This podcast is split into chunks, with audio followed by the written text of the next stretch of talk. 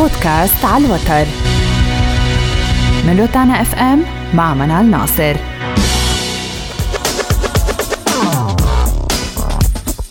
موسيقى ريتم أم بلوز.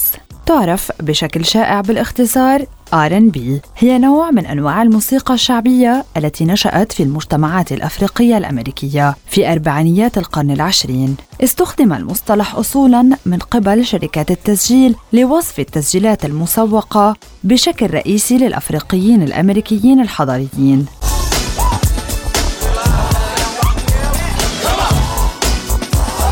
في وقت كانت فيه شعبية موسيقى الجاز والروك الحضرية المترافقة مع النبضات المستمرة الثقيلة متزايدة باستمرار. في موسيقى ريتم بلوز التجارية من خمسينيات القرن الماضي وحتى السبعينيات تكونت الفرق عادة من بيانو، جيتار واحد أو اثنين، و bass و drums وساكسوفون أو أكثر، وأحيانا مغنيين خلفيين أو كورال.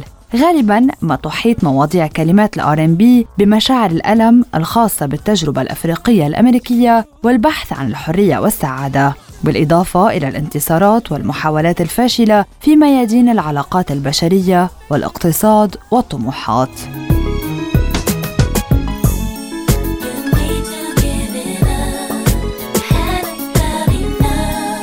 خضع مصطلح rhythm and blues للعديد من التغييرات في معناه.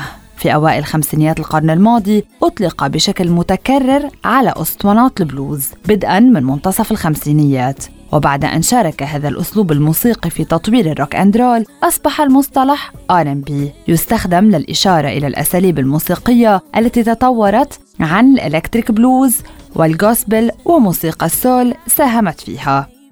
في الستينيات عرفت العديد من فرق الروك البريطانية مثل الرولينج ستونز وذا هو والأنيمالز وقدمت على أنها فرق R&B احتوت ملصقات فرقة مقر ذا هو في نادي ماركي في عام 1964 على شعار maximum R&B يطلق على دمجهم ال rock and roll مع R&B اسم ال rhythm and blues البريطاني. ومع حلول السبعينيات تغير مصطلح rhythm and blues مرة أخرى ليستخدم كمصطلح يغطي كلا من ال soul وال funk في الثمانينيات. تطور أسلوب أحدث من ال rhythm and blues وقد عرف باسم ال R&B المعاصر. جمع بين ال rhythm and blues وعناصر من البوب وال soul وال funk والهيب هوب والموسيقى الإلكترونية. وشمل مغنيو R&B البارزون في نهاية القرن العشرين كل من برانس وآر كيلي ستيفي ووندر مايكل جاكسون وتني هيوستن وماريا كاري.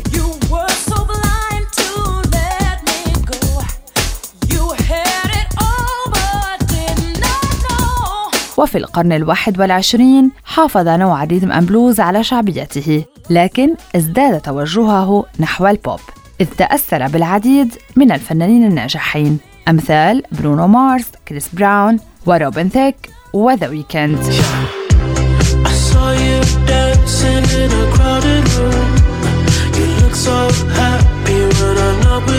تطورت ال rhythm blues البريطانية والبلوز روك في أوائل ستينيات القرن العشرين. وقد ظهرت كرد على تسجيلات الفنانين الأمريكيين التي جلبها في الغالب الجنود الأفريقيون الأمريكيون المتمركزون في بريطانيا أو البحارة الذين زاروا موانئ لندن وليفربول ونيوكاسل وبلفست.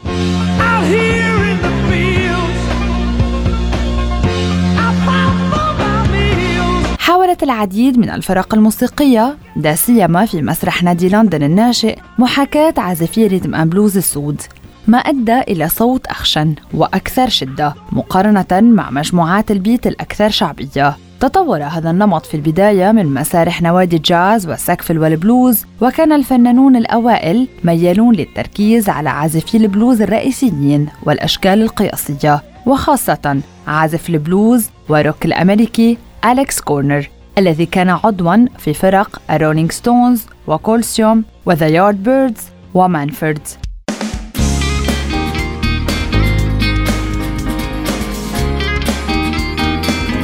وقد أثر هذا الاهتمام بموسيقى البلوز على كبار موسيقى الروك البريطانيين.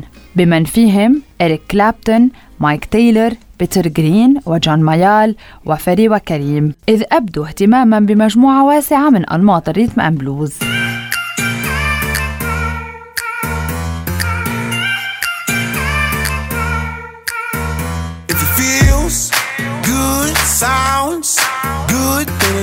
good. أصبحت فرقة الرولينج ستونز إلى جانب فرق ال beat الأخرى ثاني أكثر الفرق الموسيقية شعبية في المملكة المتحدة بعد البيتلز. وقادت الغزو البريطاني لقوائم البوب الأمريكية. أنتجت الفرقة نسخة من أغنية بوبي ووماك أند فالنتينوس انتهى كل شيء الآن ومنحتهم هذه الأغنية المركز الأول في المملكة المتحدة لأول مرة. عام 1964 تحت تأثير فرق البلوز و rhythm and blues أنتجت فرق مثل ذا رولينج ستونز وذا أنيمالز والمزيد من الفرق المتأثرة بالجاز مثل جراهام بوند وأورجانيزيشن وزوت موني ألبومات blue-eyed soul وشمل موسيقيو ال R&B البيض الذين برزوا في المملكة المتحدة ستيف وينود وفرانكي ميلر ووكر أند ووكر براذرز والأنيمالز من نيوكاسل.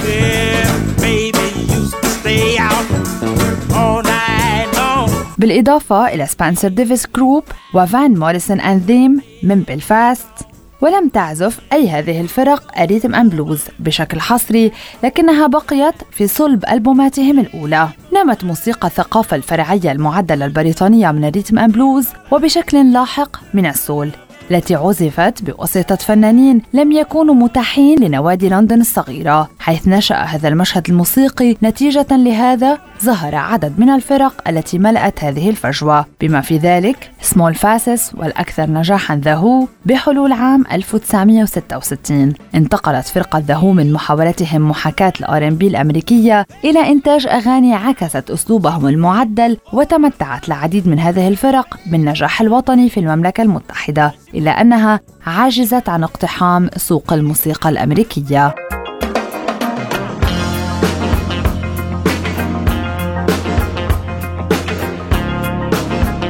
أنتجت فرق R&B البريطانية موسيقى ذات أنغام مختلفة جدا عن تلك التي عرفها الفنانون الأفريقيون الأمريكيون إذ غالبا ما ركزت على الجيتار بشكل أكبر وأحيانا بطاقة أكبر.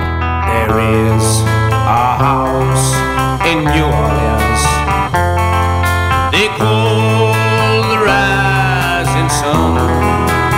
إنشاء مصطلح الإيقاع والبلوز ليحل محل موسيقى السباق التي كانت حتى ذلك الحين العبارة القياسية المستخدمة في الإشارة إلى معظم الموسيقى التي صنعها سود في ذلك الوقت.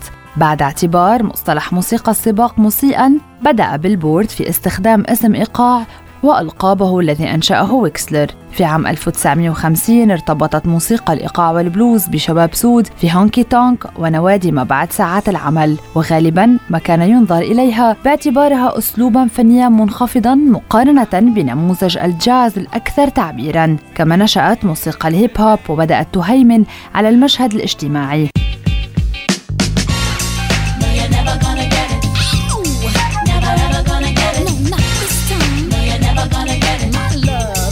وبحلول السبعينيات من القرن العشرين توسع مصطلح الإيقاع والبلوز ليصبح مصطلحا شاملا يشتمل على أشكال الموسيقى الروحية والفلكية. واليوم يمكن استخدام هذا المصطلح لتعريف معظم الموسيقى الحضرية الأمريكية الغنية على الرغم من إمكانية وضع النفس والفانك في فئات خاصة بهم.